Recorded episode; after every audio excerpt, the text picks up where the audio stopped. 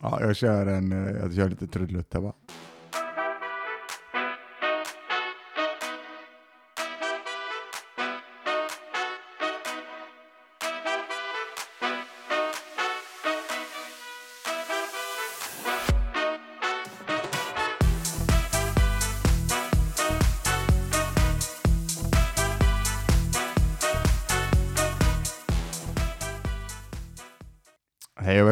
Till Hackeripodden. Avsnitt, nu har noll koll igen här, men det, det ska vara fan, det ska vara 78 tror jag. Jag tror det. jag tror det.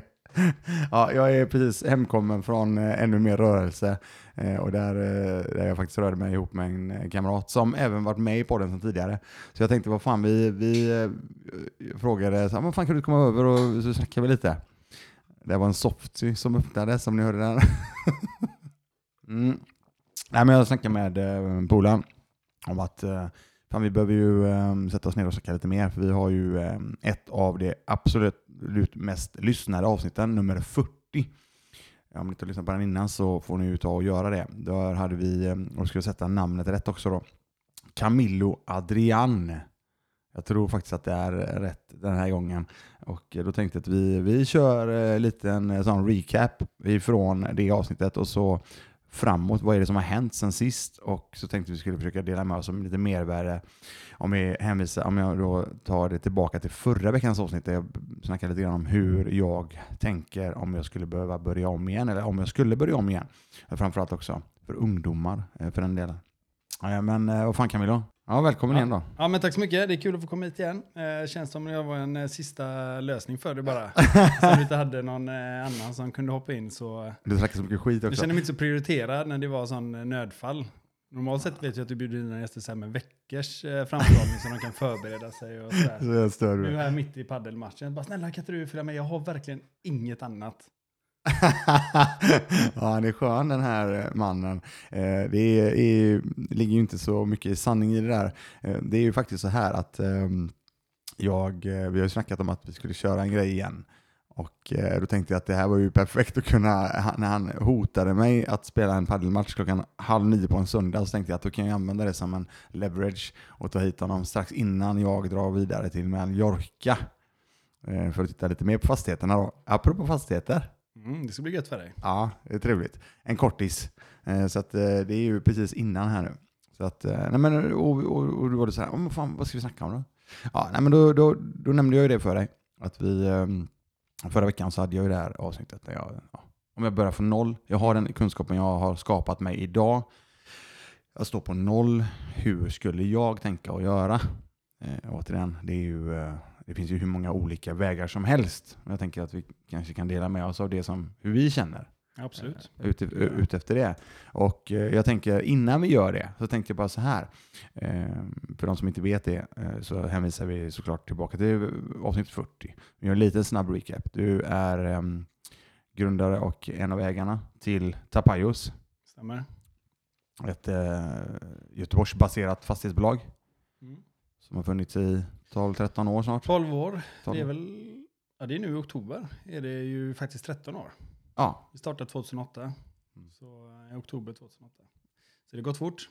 Ja, det går jävligt fort. Ja. Du, eh, apropå det, och, mm, där får jag ju ge cred faktiskt. Där har ni börjat bli duktiga på era sociala medier mer och mer. När ni faktiskt, du det? Ja, det tycker jag. det får jag ändå ge. Eh, det har ju inte varit eh, så hela tiden. Nej, vi började med det lite sent kanske. Och sen har vi väl inte haft någon eh, riktig strategi på det. Men nu eh, projekten blir större så får man visa vad man gör. Till de få följarna man har i alla fall. ja, ja, nej, men, och, och det är ju faktiskt så att eh, där lägger ni ut era nya projekt och hela den här biten. Och det har ju varit ganska många. Sen, sen, vi, hade, sen vi träffades sist i podden så har det ju varit en hel del. Ja, det har börjat med mycket nybyggnadsprojekt. Både hyresrätter och bostadsrätter. Och då kommer det väl lite mer. Det är ju en lång process. Så det händer ju mycket både från, eh, ja, från start till slut. I en sån, eh, ja, sån process med, med byggnationer. Så att det är väl mycket att dela med sig. Inte bara ombildning av en eh, litet hus eller köp av en fastighet som är en, en nyhet på sociala medier. Utan nu kan man ju ha kanske 20 grejer om samma sak. Eller samma fastighet i alla fall. Projekt. Så det blir lite oftare. Mm. Men jag tänker på det, för, för det som jag tyckte var så jävla coolt, där ni tog det till en annan nivå direkt, det var ju när ni gjorde ert, eh, det börjar ju lite grann med, vad jag då, det här är min eh, uppfattning, eh, det var när ni gjorde om kommendörshuset när det begav sig. Mm, Då gjorde ni en jäkligt schysst, trevlig grej av det. Lite old school Majorna och hela den här biten. Och så efter det så började ni ju, har ni ju redan en tanke på att bygga ett hus bredvid. Som eh, idag heter Doc District 4 va? Precis. Och det gjorde ni också en jäkligt schysst grej när ni gjorde en liten film om det och ja, lite mer känsla i det. Ja, nej, men vi känner väl att det, sådana små bostadsrättsprojekt kan man ju lägga lite extra krut på också för att marknadsföra sig själv. Så att det var inte så jättesvårt att sälja lägenheterna. Men det blev en väldigt bra reklam för Tapayo som bolag. Och då, det klarar vi inte själva såklart, så man får ta in lite hjälp eh, för det. Så att man får det snyggt och fint. Och det är ju ett helhetskoncept med eh, både film och prospekt och bilder och visualiseringar och hur man lägger upp det för eh, framtida försäljning. Och även kanske man kan eh, få lite artiklar i, i press och liknande då för att eh, synas lite mer. Och det gav resultat. Ja, det gjorde det verkligen. Men jag tänkte på det, för jag, menar, för jag har inte sett så många andra fastighetsbolag som gjort sådana här saker. Alltså, så, ni har gjort det lite annorlunda. Ja, det är väl, alltså, det är klart många gör ju reklam för det, men eh, kanske inte på detta sättet. Kanske mindre projektörer börjat lite med det när de vinstbyggnation eh, med lite mer lyxiga projekt runt om i Göteborg och Stockholm kanske gör liknande grejer, men inte, kanske inte exakt så. Och de Mm. större bolagen när man gör ett projekt på 150 bostäder så är det mer en massa som ska köpa mer än att man nischar sig för att sälja en, ja, ska man säga, en unik bostad som de här Dock District och Kommendörshuset och nu också det här BRF Coco som ligger i Örgryte. Som är lite nischad och eh, speciell. Då vill vi gärna visa det när man inte gör en massproduktion och inte sparar på krutet för materialval och fastigheten, historien bakom och liknande. Den eh, senaste eh, BRF Kuku, Coco Kuku, som betyder gök på franska Ja. och eh, fastigheten ligger då på Göketorpsgatan. ja, eh, Gökboet eh, kallar jag den. Men eh, Det beror ju på, det kan man ju kalla det när man vet vilka som har köpt lägenheter. jag, apropå det, Gökboet är för jävla bra film för övrigt. Det är det. Ja, en grym film. Eh, nu ska vi lämna det. Men däremot, jo, men jag måste säga att ni, där har ni gjort det jäkligt coolt också. När ni nu visar, när ni faktiskt rev en befintlig eh, byggnad Mm, precis. i ett villaområde, vad jag förstår som. Ja, det är det. Det är en villagata i, centralt i Örgryte. Och det är med de här, det är sån timelapse, de här filmerna man gör. Man tar både film och fotografier och eh, lägger det i en liten snabbspolning. Så man ser vad som händer. Så vi har en eh, fotograf och filmare där någon gång var tredje vecka. Så då blir det lite kortfilmer. Sen till slut så kommer man då göra en film av det på några minuter där man ser verkligen från start till slut hur det har blivit. Eh, men, men det som är, jag tycker är intressant då, det är ju ganska eh, ja, tidsenligt. Eh, alltså husen där ser likvärdiga ut, vad jag förstår det som, på Villagatan. Ja, det är ju såklart, det är ju funkishus från 40-talet. Ja, Liknande den funkisen man byggde då. Och eh, vi vill ju inte bygga likadant, men vi vill ju ta inspiration från eh, funkisen fast med en modern touch. Men bevarar, eh, eller vi bevarar ingenting, men vi tar tillvara på eh, den känslan man hade då. Till exempel med fasader, balkonger, fönster, eh, materialval inne. Liksom att det kanske är marmor i badrummet, det är fiskbensparkett istället för vanlig klassisk trestav som alla lägger. Och ett, en hel del tillval som eh, gör bostaden lite mer ja, tidsenlig. Mm. Och eh, att de som köper bostad där, de köper inte bara en bostad för att bo där. De, de kommer, ska gilla hela föreningen och hela konceptet. Man ska liksom vara glad för att bo i det huset och stolt över det. mm. Och kunna dela med sig av historien till folk som kommer hälsa på och liknande. Man berättar om det. Jag la, jag la ut en bild där som eh, en konceptbild på en av taklägenheterna. Mm. Där med det så här takfönstret.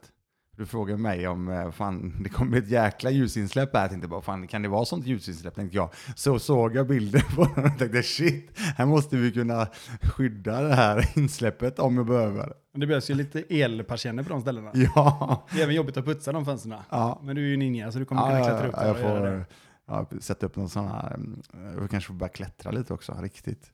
Jag har aldrig riktigt gjort det, jag har testat lite grann. Men, ja, ja, eh, skitsamma. Nej, men eh, grymma grejer. Men det är inte bara det, ni har ju faktiskt börjat eh, projektera ganska mycket utanför Göteborg med. Ja, vi har fokuserat rätt mycket, eller ja, fokuserat, vi valde ju inte det själva, men vi blev ju liksom, ofta när man kommer till en ny stad eller nytt område så blir det för att man får en bra kontakt kanske med en mäklare som har ett projekt och, eh, eller en fastighet. Sen börjar man rota sig lite där. Och det som vi har gjort då i Göteborg givetvis. Sen har det blivit trestadsregionen då.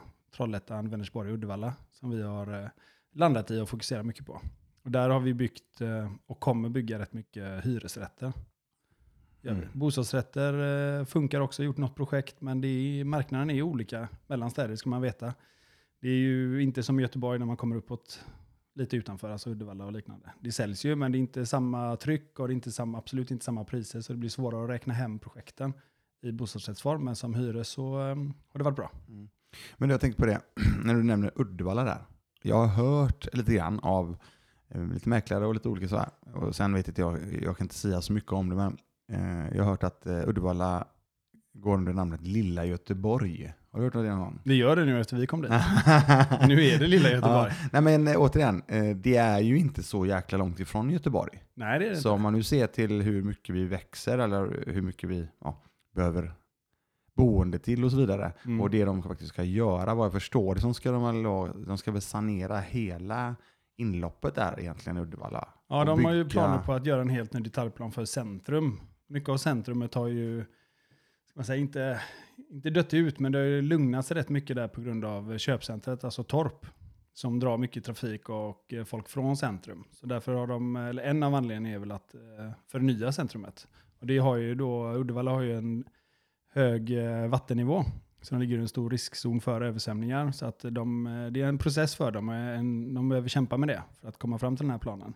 Men då ska de bygga om en stor del av centrum med mycket bostäder. Just det. Men jag hörde någonting om att de skulle göra, de har någon idé, hörde jag någonting om att de skulle göra något liknande Eriksberg, Hammarby sjöstad inne i Vika eller in där vattnet går. Ja, de kallar det, ja, vattnet går ju hela vägen in till centrum egentligen ja. i kanaler och de vill väl eh, få det lite Venedig-liknande är vad jag har hört. Okay, men okay. Eh, ah, ja. det är ju såklart en lång process. Ja.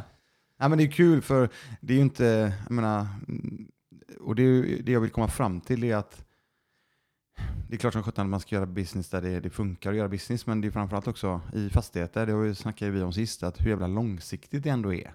Mm. Eller hur? Mm, det, alltså, det. Menar, det, är, det tar ju tid allt detta. Men då kanske det kan vara intressant att vara med på en sådan resa. Ja, är man med i början där så är det ju mycket, eh, mycket taget redan från början. Att man eh, har varit med direkt och man kanske har hunnit utveckla några egna fastigheter och i samband med att centrum då här utvecklas kommer givetvis priserna och populariteten där stiga också. Det är likadant i Trollhättan. Har de ett nytt område som heter Vårvik. Det är ett gammalt industriområde från tidigare. Där kommunen har gjort en ny detaljplan. Och då ska de bygga samman detta Vårvik med centrum med en eh, bro. Och så har de gjort lite markanvisningar eh, för detta där vi har eh, vunnit en. Så vi ska bygga 110, cirka 110 lägenheter i, centralt i Trollhättan. Då. Det är också hyres då förstår jag? Det är också hyres. Ja. Kanske eventuellt lite BRF, men just nu så kollar vi mestadels på hyres. Men tillbaka då. Det är 110 lägenheter, det är en jäkla massa. Och sen vet jag att ni har ganska nyligen, om man tar tillbaka några månader tror jag, så var väl era hyreslägenheter som ni byggde i Uddevalla klara också va? Uh, ja, det har vi gjort. Vi har ju avslutat några projekt i Uddevalla och vi kommer avsluta ett nu i december. 38 lägenheter. Uddevalla höjden heter det. Mm. Ligger på, i centrum fast på andra sidan eh, leden. Uppe på ett berg med utsikt. Man ser till och med lite av eh, havet där uppe. Mm. Så det, det blir jättefint. Mm. Det ser ut som en liten borg när man kommer in. Tapajosborgen där. men du, jag tänkte, för, för, jag tror vi nämnde detta i förra avsnittet också. Men var det inte så att ni även skulle bygga ett ganska ett, ett, ett höghus? Jo, det har vi En skyskrapa i Uddevalla. Uddevallas skyskrapa. Ja. Uddevallas högsta hus. 16 våningar är det som är tanken. Ja. Sen så får vi se vad vi landar på. Det är en ja. dialog med eh, kommunen, men vi har i alla fall fått positivt eh, besked att vi kommer få driva runt en egen detaljplan och inte behöva ansluta till den här stora som ska göras i centrum. Då, mm. då vi ligger en lite, lite, lite bit utanför. Har vi, har, det området har inte det problemet med vattnet. Så vi äger en kåk där som vi köpte för en industri bilverkstad var det som låg där.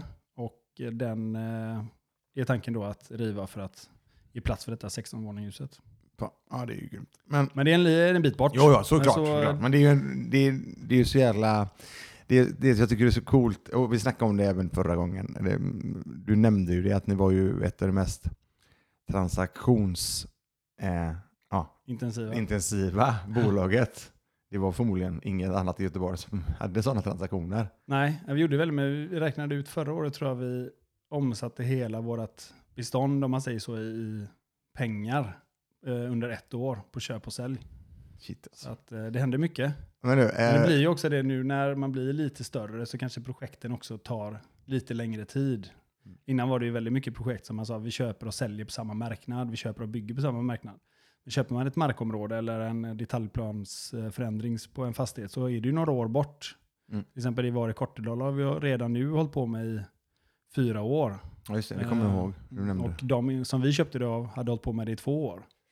Och nu har vi precis börjat med detaljplanarbetet som kommer att ta ytterligare kanske 18-24 månader innan vi kan söka bygglov. Då. Så det är ju en lång process. Man får, man får blicka framåt eh, när man tar sig an de här större projekten och verkligen se att man har eh, stabilitet längre fram. Sen är det bra att ha en projektportfölj. Det är det, givetvis. Ja, och lite olika ben att stå på. Lite olika ben att stå på. Ja. Ah. Man kan ju inte bara ha detaljplanarbete som tar 5, 6, 7 år. Det kan du ha efter ett tag när du har köpt in några som löper om varandra. Men att börja ett fastighetsbolag med ett markområde där du ska göra en detaljplan och livnära sig på det, det kan ju vara svårt med tanke på tiden. Mm. För då har du ju ett projekt. Lägger du alla pengar och krut på det så får du ju snällt sitta där. För det är ju mycket väntetid. Det är ju inte jättemycket arbete under den här tiden. Utan det är mest väntan på, på utredningar och kommuner och liknande. Men du, eh, jag tänkte om vi tar tillbaka till det Kortedala. Det ligger ju relativt nära Gamlestan. Ja, Hur nära Gamlestan är det här området vi snackar som ni kollar på? I Kortedala? Ja. Ja, det ligger ju, ska man säga, i slutet av Kortedala. Men det är ju, det är, Kortedala är inte jättestort, men från Gamlestan så är det väl, eh, kan det vara, några hållplatser med, eh, med spårvagnen, med bil, fem minuter max. Okej. Det är en väldigt bra anslutning där med bil. Mm. Jag brukar säga att det finns typ, jag tror det finns tre rondeller när man kommer från eh, eh, Gamlestan mot Kortedala. Så den sista rondellen i Kortedala är det. Men där är det ju bostäder runt om. Det är egentligen en gammal industrifastighet som har legat där hur länge som helst. Men just nu så passar den inte in där. För allt annat är ju utvecklat som bostäder. Så kommunen ganska är ju positiva till det. Ja. Men det var en ganska stor BTA där va? Alltså, Ja, det är ju, vi siktar ju på 30 till 40 000 BTA. Oj. Och eh, blandade bos- bostäder, hyres och eh, bostadsrätter. ja. Men det är, det är ju rätt nice för så som det utvecklas i Kviberg, Mm. som ligger också ganska nära, Det är nära. där det ja, exploateras jättemycket. Sen, eh, och det ligger också nära Gamlestan. Mm. Så det är rätt bra att kunna äga någonting i Gamlestan då förstår jag. Gamlestan är jättebra. Ja, jag bara kollar. Ja. Mm. Det var bra. Så grattis till den. ja, det var kul. Tack så Ja, men mycket. Gamlestan är ett litet område som det säljs väldigt lite i det. Men det är lite som eh, Kville, fast mindre. Så, och, och det är ju, Gamlestan är ju en hållplats från centralstationen, Mm. likt Kville i, i princip. Ja, Och och även också där är- resecentret ligger ju där nu också. Ja, det nya. Så att Gamlestan som område tror jag är jättebra. De som äger kåkar där kan, eh, som sitter på dem ett tag, kommer det nog eh, stiga bra. Ja, det var trevligt. Vad kul att höra. Det var det jag sålde in det på i alla fall när du köpte. Ja, det var så du sa. Precis. Och jag bara trollar fram pengarna. Eh, Det är du bäst på, bra på. Det är din bästa grej. ja, precis. Apropå min eh, väska jag går runt med. Precis. Ja, du, vad heter?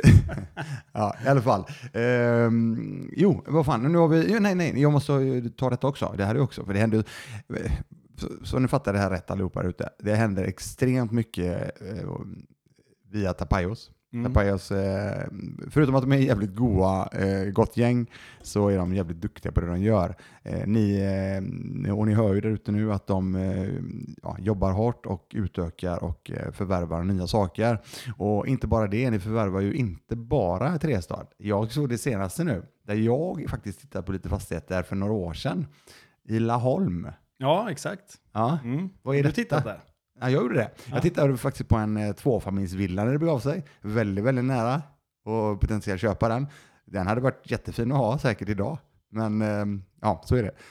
Det är väldigt fint den här. Ja, men det, är det. det ligger precis vid gränsen till Båstad, så vi säger att det är Båstad. Men det är det är klockrent.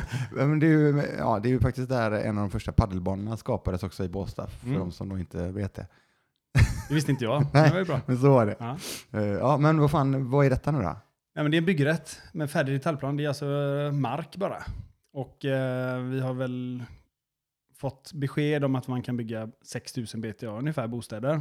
Och när man kollar med någon ny stad som Laholm är för oss, som är så pass långt bort från Göteborg, så kanske vi inte hade köpt en två eller tre eller fyrfamiljsvilla där, för det är alldeles för jobbigt med ja, förvaltningen och skötsel och logistiken kring det. Men när man kan komma in och köpa något som eh, ger så pass mycket som 6 000 så är det ju värt det. Mm. Då kan man rota sig där lite och se, kommer något mer så har man ju en bra bas. Och är det så att man vill göra det som projekt så är det ju en bra enhet att eh, senare sälja. Mm. Ja. Men du, jag tänkte på, låt säga då, vi snackar om BTA och så vidare. Ja. Men om man bara förklarar det för våra lyssnare. Alltså 6000 BTA, hur mycket kan du bygga på det liksom? Alltså hur, om man ser till lägenheter, låt säga att vi ska bygga lägenheter. Säg att eh, det kanske blir eh, 20% mindre då, boa. Okej. Ja, Ja, någonstans där. Beroende på hur effektiv du är på att eh, bygga och vilka, vilken typ av byggnation du gör. Okej, men är det, är det sån här eh, riktmärke som du säger att eh, ja, men 20% av BTA är ungefär det vi kan bygga Som boa, i ja. boa? Ja, Ja. det kan man säga. Okej, ja, men vad bra. Det lärde jag mig något nytt också. Det är ju klockrent. Um, ja, fan vad nice. Men, och inte bara det då, då får vi ta det till nästa eh, steg igen. Nu när det händer så här jäkla mycket så är det ju så att ni är ju inte så jäkla många som jobbar på Tapajos. Nej, vi, eller, vi är ju rätt många för den storleken, för, men det är på grund av att vi gör så mycket projekt. Så vi är är ju 11 stycken eh, på kontoret, det är jag och min kollega, och så har vi nio anställda. Det är ju arkitekter, projektledare, ekonomi, administration, eh, ekonomichef, assistent och fastighetsskötare som är anställda också. Sen har vi även extern fastighetsskötare i Trestad då, som inte är anställd hos oss, men som i princip jobbar fulltid åt, eh, åt oss där. Ja, Okej, det. Nej, men du, just det, du nämnde det förra gången också, att eftersom ni är så transaktionsintensiva, sa du det? Mm. så är det, och framförallt att ni behöver ha det in-house, behöver ha koll på läget. Ja, ha koll på läget kanske inte, men det är ledtiderna. Ah, okej. Speciellt när man gör de stora projekten, alltså större byggnationerna, så brukar vi ändå ta in eh, en arkitektfirma. Och det är för att de har mer muskler och duktigare på kanske att rita den, den typen av enheter. Och även att man har lite ryggen fri från att man är man ägare, byggherre, du ritar, du projekterar, du bara tar in byggfirman. Det är mycket som kan falla tillbaka. Man vill gärna vara lite, lite fri på eventuella saker som kan hända. Och då menar jag inte att huset ska rasa, men Nej, att, liksom, eh, att man inte har gjort allting själv. Man sitter inte på alla stolar. Ah, okej, ah, Men, okej, eh, för att minimera risker och så vidare. Ja, Mm. Okej, ja men nice. Nej, men jag- det vill jag komma till då. Jag såg ju att ni faktiskt sökte en, eh, ny anställning, eller en ny person. En assistent, vad är det va? förvaltningsassistent precis. Ja, som eh, har möjlighet att senare bli en förvaltare och projektledare. Mm. Så är det någon där ute som är sugen som är riktigt vass så är det bara att höra av sig. Vi försökte ju få med Christian här men han ratade oss direkt. Han ville köra sitt eget race. här. Han ska göra det bättre. Herregud. Eh, och det stämmer ju inte såklart. Eh, däremot så kan jag starkt rekommendera att eh, är, du, är du lösningsorienterad och jävligt agil i sidled eh, och eh, duktig och eh, driven så ska du absolut söka till Tapayos. Då kommer ni passa rätt in. Ja, som fan också. Jäkligt bra eh, eh, personalpolitik hos er. Mm. Det var det jag reagerade över i, eh, när vi väl började träffas och hänga. Så eh, det var ju en jättegrej alltså. Mm. Mm. Ja, det, är, en stor cred till er. Tackar. Mm. Snäll du är då. Ja, men återigen. Även fast jag spöar dig i padel. Ja, eh, det är jag. Du, jag skulle behöva lite pengar till Mallorca. Har du... Jag förstod att det var det du var ute efter. Nej. Nej, men i alla fall. Men okej, nu har vi faktiskt avhandlat hela den här delen. Nu, jag tänker vi tar upp det här nu då. Låt säga, jag sa ju det till dig innan, men vad fan. Låt säga, du har den kunskapen du har idag Camilo. Men du har inga pengar. Mm. Och, du, och, så, och så ska du starta om. Du ska starta om i fastigheter. Mm. Det är inom fastighetsbranschen. Samma bransch. I branschen, samma bransch. Och, och, och jag då, eh, jag hade ju ett eh, sånt här avsnitt förra veckan. Men jag tänkte bara för, för att ja, förankra till er då, med en person som du då har på i detta, men detta är ju så många, många år mer och har byggt eh, en, en eh, väldigt fin verksamhet. Då tänker jag så här, då fan, är klockan att höra från din sida. Hur hade vi gjort här nu då? Eller hur hade du gjort? Men du har inte så mycket pengar, men du har inte en spänn. Eller så här, jag sa faktiskt att jag hade 300 000. Mm. Jag hade 300 000. Ja, det är ju bättre än noll. Det är jävligt mycket Det- bättre det än noll. Men då skulle jag säga att de 300 000 var inte mina pengar ändå. Nej. Det var ju mina barns pengar och det var ett ihopsamlingslån som blev över pengar. Så det var ju där jag, eh, det var den eh, utgången jag hade. Ja, men det är ju lite som oss när vi började. Vi hade ju 200 000 kronor var, jag och min kollega. Och började med det. Och köper man fastigheter så är det ju, den trånga sektorn är ju pengar.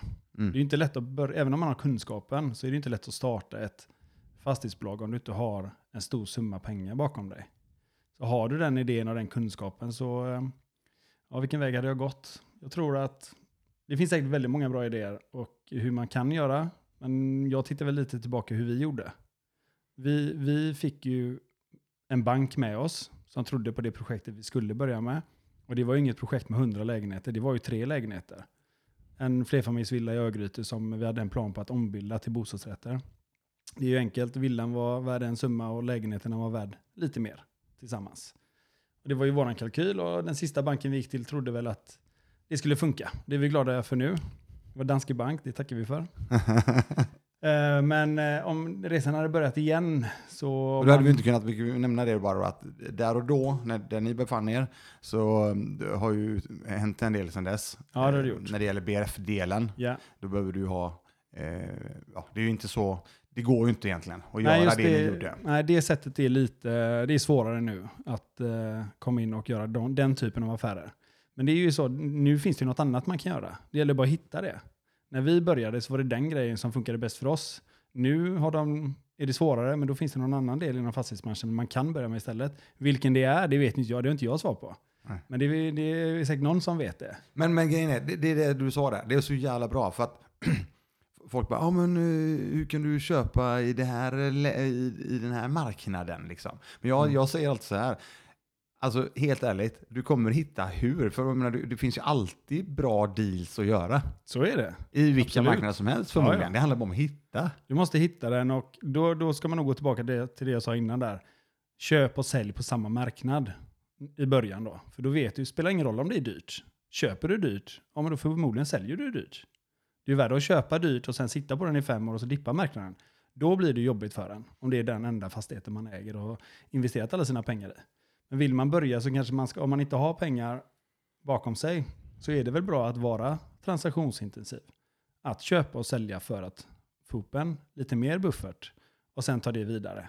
Tänker du lite mer, vi snackar lite olika, men, men, men med att flippa någonting liksom? Ja, Köp, ja, försöka ja. hitta någon. Ja, har, alltså får du banken, säg att du har dina 300 000 och du får med banken på 70% till i, i belåning, så kan det ju vara bra att hitta ett projekt som du kan flippa. Dina 300 000 kanske blir 600 000 istället. Eller 500 eller en miljon, vem vet, det beror på hur bra affären är. Men på det sättet bygger du ett eget kapital. Och får man inte med sig banken så är det ju, du har ju alternativet att du har en jättebra affärsidé, helt grym, och du vill sälja ut en stor del av ditt bolag till någon eh, riskkapitalist eller liknande, någon som går in med pengar, men då tar de också en stor del av företaget. Är man bekväm med det? Ja, men visst, gör det. Men jag hade nog inte gjort så. Jag hade nog velat behålla ägandet själv och istället bjuda in personer som man känner eller kan man, man lär känna, hittar, som har lite kapital bakom sig, bjuda in dem i affär för affär. Ge dem en bra avkastning. Ge dem inte en ränta bara på 10% eller 12% eller vad nu du erbjuder. Ge dem en del av vinsten istället, som, som är betydligt mer i slutändan. För det ska ändå vara ett projekt som kanske går på ett halvår. Och då kan du eh, kanske få med dem, och så, men du äger fortfarande ett bolag, men du får dela med dig kanske till 50% av vinsten. Men om gör du inte det så kan du inte börja. Men sen när du har gjort några affärer och byggt upp lite, då har du ju en större kassa själv. Då kanske du kan börja med att göra ditt första egna projekt. Där du tar in 100% av vinsten. Men samtidigt bjuda med de här personerna, eller nya, på ett till och göra lite dubbelt. För att just bygga kapital. Det är ju pengar som alltid saknas när man ska gå in i fastighetsbranschen.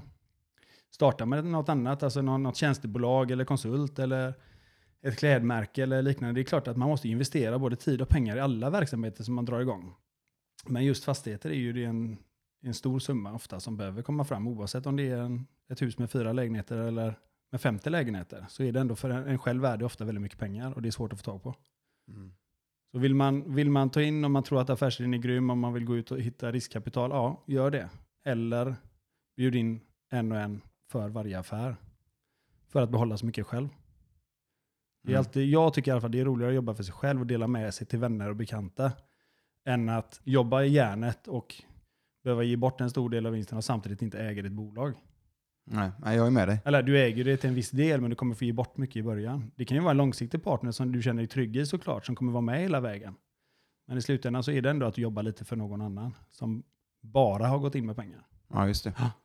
Men där har vi ju, ja, jag, jag, gillar, jag gillar det här tänket. eh, Sen är det ju såklart, det är svårt att hitta folk som investerar. Det är ju inte så, att Så man, alla vänner och bekanta kan ju inte göra det. Men det gäller väl att försöka hitta någon som man, man tror på och den personen tror på dig. Eh, Om man nu ska se det, om man nu ska titta på bolagsstruktur och så vidare. Ja, Då kan man ju, ja, många gånger så är det ju eh, bolagsaffärer som görs om man nu snackar om med fastigheterna. precis. Eh, och då är det ju, då kanske det är så att du har eh, ett moderbolag, du har några döttrar liksom. Och sen så har du då i- inför ett projekt, så säg att det är en fastighet. För att lyfta in då, då kanske du kan dela med dig av just den eh, delen då. Det kan man göra. Eh, som en deal. Sen kanske det är liksom mycket att tänka på i början med om man ska göra bästa bolagsstrukturen direkt från början och du ska göra värsta upplägget och du ska starta fem bolag. Det kanske blir väldigt mycket. Ja. Man kanske bara ska börja att ja, men jag startar ett bolag, jag köper den här kåken och tar in pengarna. Ja. Sen kan man komma till den här planeringen. Hur gör jag bäst här? Vad är bäst fördelaktigt ekonomiskt? Vad tycker bankerna om bäst? Vad tycker investerarna om bäst? Det är väldigt många parametrar som måste falla samman. Men det är omöjligt att göra allting rätt från början. Så gör det som är enklast för dig när du startar. Bry dig inte så mycket om, om vad du ser på andra bolag som har funnits i tio år. Men det här är så jävla bra för att det är exakt, jag sp- spelade lite många av frågorna som jag får ifrån massa följare och lyssnare. Exakt det som var nu. Mm. Du gjorde det så bra att du tog ner det direkt. Vänta nu här. Börja först. Är du med? Mm. Sen, när du har kört ett tag, då kommer du att kunna titta på de här grejerna. Ja, ja. Det är det som är grejen. Väldigt, väldigt många frågar exakt det som jag frågade dig nu, eller nämnde om det här med bolagsstruktur och allting. Men vad fan, jag har ingen aning. Är du med mig? Alltså, du får ju ta det lugnt liksom. Måste, måste, måste börja någonstans och sen kunna gå vidare med de här grejerna. Det ändras ju hela tiden. Vi har ju en ständig utveckling i hur vårt företag byggs upp med andra dotterbolag och holdingbolag och liknande. Det är liksom en ständig process. Man kan inte hitta bästa direkt. Börja med ett Mm. och liksom gör det så bra som möjligt. Sen kommer du behöva göra förändringar när du växer för att få det mer eh, ekonomiskt och mer rätt rent bolagsstrukturmässigt. Men det är liksom ingenting man kan, eh, man kan inte säga bara det här, så här ska det vara, så här ska jag köra. För det kommer ändå, ett år senare så bara, nej men du måste göra så här nu, säger revisorn. Ja okej, då får jag tänka om lite. Ja. Ja, det är Så- jävla viktigt. Och, och, och grejen är att det jag vill få fram också då det är att det här som vi snackar om nu, just det här med strukturen och så vidare, bolag och så vidare, det ska ju inte hindra dig för att starta igång. Nej, nej, men det kan du göra. För många kanske tycker att det blir så jäkla många parametrar att hålla reda på. Du har en jättebra idé, du har fått ihop dina pengar. Men sen måste du tänka, ja, men tänk om det händer så här, tänk om det här händer. Han sa detta om bolagen, de här sa så här att jag måste göra. Ja, du behöver inte följa det. Du kan göra en enkel affär. Att köpa en fastighet behöver inte vara svårare än att gå in och köpa en t-shirt. Det är givetvis mycket mer pengar, som jag sagt, men det är inte mer, det behöver inte vara mer komplicerat. Du har en produkt, du vill köpa t-shirten för 100 och sälja den för 200. Det är samma sak med ett hus. Så det är en enkel affär i sig. Sen kan man göra den mer komplicerad och mer fördelaktig med tiden. Mm. Men då måste du ta in den hjälpen också. Det kanske man inte kan göra i början. Du kan inte dränera kontot med massa revisorer, advokater och upplägg för att få den bästa strukturen när du egentligen inte är där att du behöver den. Du behöver den om tre år, fyra år. Men innan dess kanske det inte är så nödvändigt. Fokusera på, det du, på din idé och det du kan då. Lyssna på vad han säger nu. Ja, men det är ju det som är grejen. Jag blir så trött för det är så väldigt, väldigt många som hittar olika hinder hela tiden för att inte dra igång. Ja, ja, det är det. Så är det. Alla möter sina motgångar när man startar ett bolag det kan vara i vilken bransch som helst. Och det är det där steget när man väl vågar ta det. Okej, jag ska satsa de här 100 eller 200 000 eller 20 000 kronor. Kommer jag få tillbaka dem? Eller kommer detta flyga eller inte? Det är väldigt, väldigt många bra idéer tror jag som försvinner där. Som vi aldrig kommer hitta, eller kanske inte någon annan heller som tar upp dem. Men idéerna finns. Man måste våga ta det steget. Det är klart man ska ju tänka igenom det noga. Det kan ju gå tvärtom med. Du Ja. kan ju förlora. Ja. Men jag, Tapajos var inte mitt första bolag jag startade. Jag höll på med andra grejer innan dess. Både som gick bra och lite sämre. Men man kan inte alltid tro att nu ska det, gå, nu ska det bli en framgångssaga. Det är det man ska, man ska hoppas på det, men man kan inte räkna med det. Så ta inte bara, ja, men nu hörde jag att man ska satsa. Ja, men det, man får ändå göra det med försiktighet. Mm. Men sen är det också så här också. Många tror ju att, jag vet inte om du känner igen det, här, men jag, tror vi, jag vet inte om vi snackade om det sist, men ja, ah, du äger fastighet idag. Ja, ah, nice. Det går bra nu. Ja, ja, det hör man ju ofta. Alltså, det har man gjort länge. Sitter och rullar tummarna i soffan liksom. det är det ah, folk tror. kommer pengarna.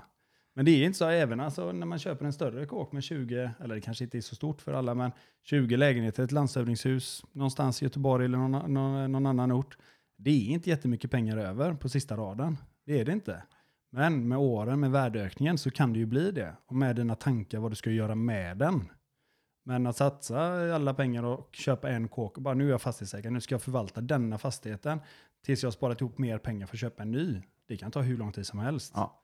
Ja, du nämnde det så gött i förra där, om just den biten. Att det försöka göra någon form av, vi snackar mycket om värdering, Mm. hitta projekt för att utveckla. Ni jobbar ju väldigt mycket med till exempel med vinstlägenheter. Ja, det är ju inte bara vinst, alltså vinstlägenheter. Ni bygger vinstlägenheter. Jo, men det gör vi för att utveckla fastigheten. Det finns ju kvadratmeter där uppe som kommer vara billigare för oss att bygga lägenheter än vad det var om vi säljer fastigheten. Så varför inte göra det? Jag tror, ja, jag tror inte vi har köpt någon gång en fastighet som är helt färdigutvecklad som vi bara har lagt i, i förvaltningsbanken. Ja, den här ska bara ticka pengar. Vi har alltid köpt fastigheter där vi ser det här kan vi göra direkt. Eller så kanske vi tänker det här kan vi göra om två år. Om två år tror vi att vi kommer kunna göra detta. Vi kommer nog kunna flytta runt lite folk, vi kommer tömma den, vi äger grannkåken. Vad ger det för synergier? Om man bor de i grannkåken, då kanske de lika väl kan flytta till detta huset. Ja, men då kan vi tömma det huset för att sen kanske göra en rotrenovering och sälja fastigheten till någon eller göra en bostadsrättsförening. Mm. Så man får ha en plan med det. Att köpa färdigutvecklade fastigheter, det kanske du ska göra när du har växt ordentligt och är ett stort bolag. Då är det många som vill göra det. Vi säljer ju många av våra fastigheter som är renoverade, eh, fixade, eh, hyrorna är där de ska vara. Eh, de, tunga, de tunga posterna är gjort på huset. Och då är det många fastighetsbolag som vill köpa dem. Även nyproducerat såklart. De vill lägga den i sin, sin fastighetsportfölj och, och inte behöva göra någonting Ja, på tio år. tickandet, precis Ja. det här tickandet. Men då pratar vi kanske om, eh, om eh, Wallenstam eller Balder eller liknande. Sådana som, och det finns ju hur många sådana bolag som helst som vill det. mm. De är ju bra kunder till oss, men vi är ju inte dem. Nej. Och det är man absolut inte när man börjar. Då måste man ju hitta möjligheterna i det, värdeutvecklingen. Och gör du det rätt så är det klart att ja, det är, kan ju vara bra ekonomi att jobba med fastigheter. Så är det. Mm. Absolut. Apropå vinstlägenheter och apropå sociala medier. Mm. Nu såg jag någonting häromdagen också om att ni precis har fått klart för vinstlägenheter på Hisingen. Ja, på Jägaregatan. Jajamän. Ja. Ett historiskt hus i Kville. Ja. Ja, Eh. Brämaregården om inte jag minns helt fel. Absolut. Ja. Ja, nej, men det blir Eh, fint. Det blir, har jag faktiskt en lägenhet på. det blir nio, nio nya vinstlägenheter där. Mm. Och sen har vi på med ett bygglov med sju stycken vinstlägenheter bara lite längre bort som också faktiskt blir beviljat. Aha. Och sen har vi på med vinstlägenheter som, med bygglovsansökan i Majorna. Just det. Ja, Den har ni lagt ut också eller?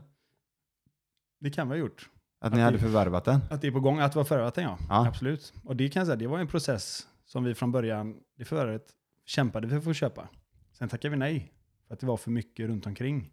Och sen ett halvår senare tänkte vi, fan, ska vi inte försöka igen? Och till slut så kom vi överens med säljaren och det blev faktiskt väldigt mycket bättre än vad vi trodde från början. Mm.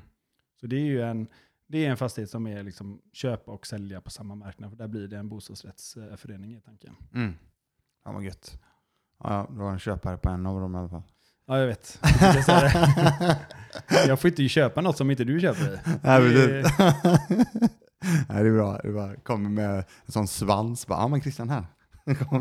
Nej, men sen kan man ju också, om man går tillbaka till frågan där, vad hade jag gjort från början, om jag började om? ja. Och det som du gör, eller som du har gjort mycket, det är inte bara det du gör, men det är att köpa lägenheter, bostadsrättslägenheter, som du kan äga som person och hyra ut. Räknar man på det avkastningsmässigt så är ju det väldigt bra. Men, men eh, när man inte har möjligheten att kanske köpa en större fastighet som kostar mer pengar så är det ju, är det ju fin avkastning på det. Men man ska inte alltid, jag tror att man ska inte bara tänka på avkastningen, man ska tänka lite mer på projektet med. En exit någon gång är bra. Ja. Det är det. Ja, och jag, jag nämnde ju det också. Vi har ju, har ju eh, den som eh, säljer på Ullmansgatan eh, som ligger på, eh, som är på gång och blir såld där nu, Ja. vilket är trevligt. Så det är väl en, eh, det är väl den första exiten egentligen om man ser till, ja, vi har sålt den innan också. Mm. Och sen så har jag en då eh, som kommer i november. Mm. Exita. Sen har vi ytterligare en som ska sälja då, innan årets slut förhoppningsvis då. Så det blir lite i alla fall exitar Ja, ja, men det är bra. för att göra något annat också. Såklart inom fastigheter förmodligen. det är ju som det är. Det gäller bara att flytta pengarna. Du kanske bygger en paddelhall eller någonting? Nej, Eller? nej, Egna jag- banor där. Ingen annan kommer kunna spela där dock, för Christian kommer spela själv hela På tiden. alla banor. Springer runt som en tok. Nej, eh, nej men jag är, jag är inte så sugen på det faktiskt. Eh, jag kanske kan vara med på någonting, men eh, jag är inte så sugen på att dra allting själv. Nej, nej absolut. Ja. De är, det är inte din grej kanske. Nej. Man ska göra det man är bra på. Ja. Ja, äga, förvalta, exploatera, projektera. ja. Men driva en verksamhet, nej det kanske inte är min eller din expertis. Nej. nej, men det är mer, eh, nej men det blir kul med projekt liksom. Mm. Och dra igång saker och få ja, eh, löst saker. Och sen är det nästa. Sen ska man veta, det är alltid problem också. Det är ingenting som går smärtfritt. Nej, det är ju det. Alltså återigen, vi, och det, kommer du ihåg att vi sa det att vi skulle ha någon sån form av, eh, fan, fan nästa gång vi snackar så hade jag någon idé om att, eh, ja men fan kan, inte, kan vi inte battla om de galnaste hyresgästhistorierna? Ja, den har du snackat om. Så jag menar, nu, nu blir jag sådär, fan vad är det som hänt liksom? Men då tänkte jag på så här, men vad är det som inte har hänt? Ja, man, det är det Alltså. finns väldigt mycket olika människor där ute. Shit. Alla är, alla, alla är olika. Och Ja, det behöver inte vara fel, men det är stor skillnad Men ibland på... är det jävligt fel. Ibland är det väldigt Kan konstigt i alla fall. ibland är det jävligt konstigt. Ja. Eh, nej men återigen, någonting som... Jag vill dra en parallell. Jag ska fan göra det. Jo, jag, jag nämnde ju, jag har ju nämnt tidigare att ehm, jag, ehm, jag har ju rest lite pengar för eh, kompisens eh, stiftelse när det Ja. gäller eh, medveten, eller mm, awareness på engelska, jag hittar aldrig svenska ordet, men ehm, emot, eh, eh, emot ehm, ja, drunk driving, alltså eh, köra rattonykter, eller rätt sagt vara påverkad. Ja, och då, mm, då är det så här att eh, droger över, overall är ju jävligt obra om du inte då på något sätt kan hantera det. Eh, allting som är eh, för mycket, eh, förutom paddel då, så kan det kan, kanske inte är så jävla bra. Eh, och då, är det, jag- vill jag bara dra en parallell då till att människor som har någon form av drogberoende eh, har jävligt svårt att eh, vara bra hyresgäster. ja, definitivt. Så kan vi säga. Så kan man verkligen säga. Ja, och det är väl egentligen det som jag tycker är jävligt sorgligt. Ja, Mm. det är det. Man kan, det är, man har, jag kan dra en parallell också. Jämför med två hyresgäster som, eh, som vi har haft. En äldre kvinna på 80 plus eh, och en normal kille, säger väl, eller tjej då, som har problem med sig själv eller ekonomi eller bara är liksom lite vilsen. Har de ekonomiska svårigheter, de yngre eller, eller äldre, men som är lite vilsna och inte vet riktigt vad, de- vad de håller på med, de, de gräver ju ner huvudet i sanden. De struntar i det. De bara skiter i att betala, de svarar inte, de eh, struntar i de blir vräkta till slut. Det är liksom de, de bara gräver sin egen grav. Jämfört med de äldre, eller den här kvinnan i alla fall, som eh, en, de var en tisdag på kontoret, vid elva, knackar på dörren. Ingen har förväntat sig något möte. Och så står hon utanför. Då bor hon på Hisingen, ett av våra hus. Då är hon 80 år. Hon har hoppat på spårvagnen, tagit reda på vart vårt kontor är, åker till oss, knackar på dörren, kommer in och ber att få prata med de som äger bolaget då, det var jag. Och sätter sig och ber så himla mycket om ursäkt för att hon har inte möjlighet att betala hy- hela hyran denna gången. Och ber om att få kunna betala mera nästa månad istället till att dela upp det. Det är, det är Ah, ett bra shit. sätt. Fan, Då, då, när hon kom och sa det, jag kände att du behöver aldrig betala hyra någonsin igen. För att det var så jävla fint. Det var Ah, liksom, shit, då tar du alltså. tag i ditt problem. Fan, jag Tar du tag i det, då, då bröstar du det och går fram till dem och säger, "Du, va, tror inte vi skulle säga, nej, du, nu skickar vi en varning till dig. Betalar du inte? Det, det händer ju inte. Nej. Och det hade inte hänt om en annan person som har något annat slags problem hade kommit och sagt det också. De har suttit sig ner och försökt hitta en lösning. Men lösningar finns inte om den andra personen bara skiter i allt. Exakt. Ja, fy fan det- vad fint eh, det du berättar där. Ja, det var Vilken fantastiskt. jävla grej det, alltså. Jag kommer aldrig glömma det. Det var en underbar eh, händelse, verkligen. Fan vad coolt Där man alltså. ser hur bra människor det finns. Ja, det finns Och bra hyresgäster. och, och, och precis, och vi ska ju nämna det. Det finns ju så jävla bra hyresgäster. Ja, ja, verkligen. Som, är, som, som, som, som, precis så som du nämner här, som tar sitt ansvar, som, som förekommer. Alltså jag är jätteledsen för den här grejen. Alltså, det tror fan folk ska få en chans. Ja. Men frågan är, hur många chanser ska du få? Nej, man, alltså, man kan ju inte ge dem chans på chans, givetvis. Nej. Men efter det så väljer hon har aldrig, Nej, nej. Hon har alltid betalat in i Ja, ja, tid. ju hade hon inte gjort, behövt göra det en gång eller hade haft problem så hade det löst sig också. Ja, ja, Och det är ja. klart, vi har gett andra chanser med som senare igen har börjat missköta sig. Ja, men då får man ju ta tag i det. Ja, men du har ju också det, det här. Tyvärr är det så här, eh, som jag har upplevt, eh, är att ni där ute tror jag kan förstå vad jag menar med att ger du lillfingret till någon så äter de upp hela armen. Liksom. Ofta. Ofta är det så, Mm. tyvärr. Och det handlar inte bara om hyresgäster, utan det handlar om eh, overall in life. Liksom. Ja, verkligen. Ja, och det är ju... ehm, Ja. Parasites, jag vet inte. Engelska för parasit. Rätt lik svenska. Ja, rätt lik svenskan. Nej, men ehm, du, eh, apropå hyresgäster. Jag har, om inte jag minns helt fel, så har jag sett bilder på en hoarder också. En lägenhet. En, av- Det där har vi haft några stycken. har ni haft några stycken? Ja. För jag har sett bilder. Det var det galnaste jag har sett. Det var alltså, det var sopor, det var en halv meter upp i hela Ja. lägenheten. Det, var en liten lägenhet dock. Det var ja, Jo, jo. 40 kvadrat. Men vad fan. Och då var det några grannar som hörde av sig som tyckte att det var något skumt. Det luktade lite konstigt i trapphuset. Eh, och vi får väl åka dit och kika, knacka på, ingen öppnar, bestämmer ett möte. Den här personen, en kille, kommer, ser att han känner sig väldigt obekväm när han kommer, öppnar upp sin lägenhet. Då är det alltså sopor från golv och 50 till 75 centimeter upp i hela lägenheten. Det är alltså en gång mellan soporna. En gång som går till sängen, från sängen är gången vidare till köket och badrummet. Resten är, det är alltså all typ av skräp. Ja. Allt. Det är bara, han har bara lagt det bredvid sig där han var i tillfället. Alltså badkaret är fullt med, med eh, sopor. Mm. Han mådde ju inte så bra med sig själv och det har blivit, han bor kvar. Det är ju inte så att vi bara kickar ut honom, det kan du ju inte göra heller. Och det kanske man inte vill, man vill ju ändå hjälpa någonstans. Och men med dialog med eh, honom och med hans föräldrar så har det blivit eh, jättemycket bättre. Okej. Jag har fått hjälp, så det är bra. Men det har ju hänt fler gånger. mm. Och några gånger har det varit sanitära olägenheter. Det var det ju då också såklart, men det har inte gått så långt. Nej. Men eh, då är, det kan ju drabba många andra, alltså, speciellt oss som fastighetsägare. Det kan bli oyra eller liksom i, i kåken som sprider sig till andra lägenheter och sådär. Ja. Så att eh, nej, det är inte alltid saft och bulle som de brukar säga. Nej, det är det verkligen inte. Det är eh, ganska intressanta saker. Eh, ja, vi kan sitta här och berätta till imorgon bitti om det skulle vara så om, om saker som hänt. Eh, framförallt du som har då 13 år bakom dig. Jag har ju Ja. knappt eh, lite över fyra år då. så att, ja, ja. Men vad fan, eh, jag vet inte, jag tycker vi börjar eh, avrunda här. Absolut. Jag tycker det var klockrent. Har du fått Eh, några svar? Ja, nej men alltså återigen. Jag vill mer, jag, ja, men jag hoppas där ute att folk eh, fattar att för det första så spelar det egentligen ingen roll. Det finns eh, saker att hitta på vilken marknad som helst förmodligen. Verkligen. Har vi bara rätt, eh, har vi bara rätt inställning och eh, så tror jag vi hittar vårat hur. Eh, som jag snackar om hela tiden.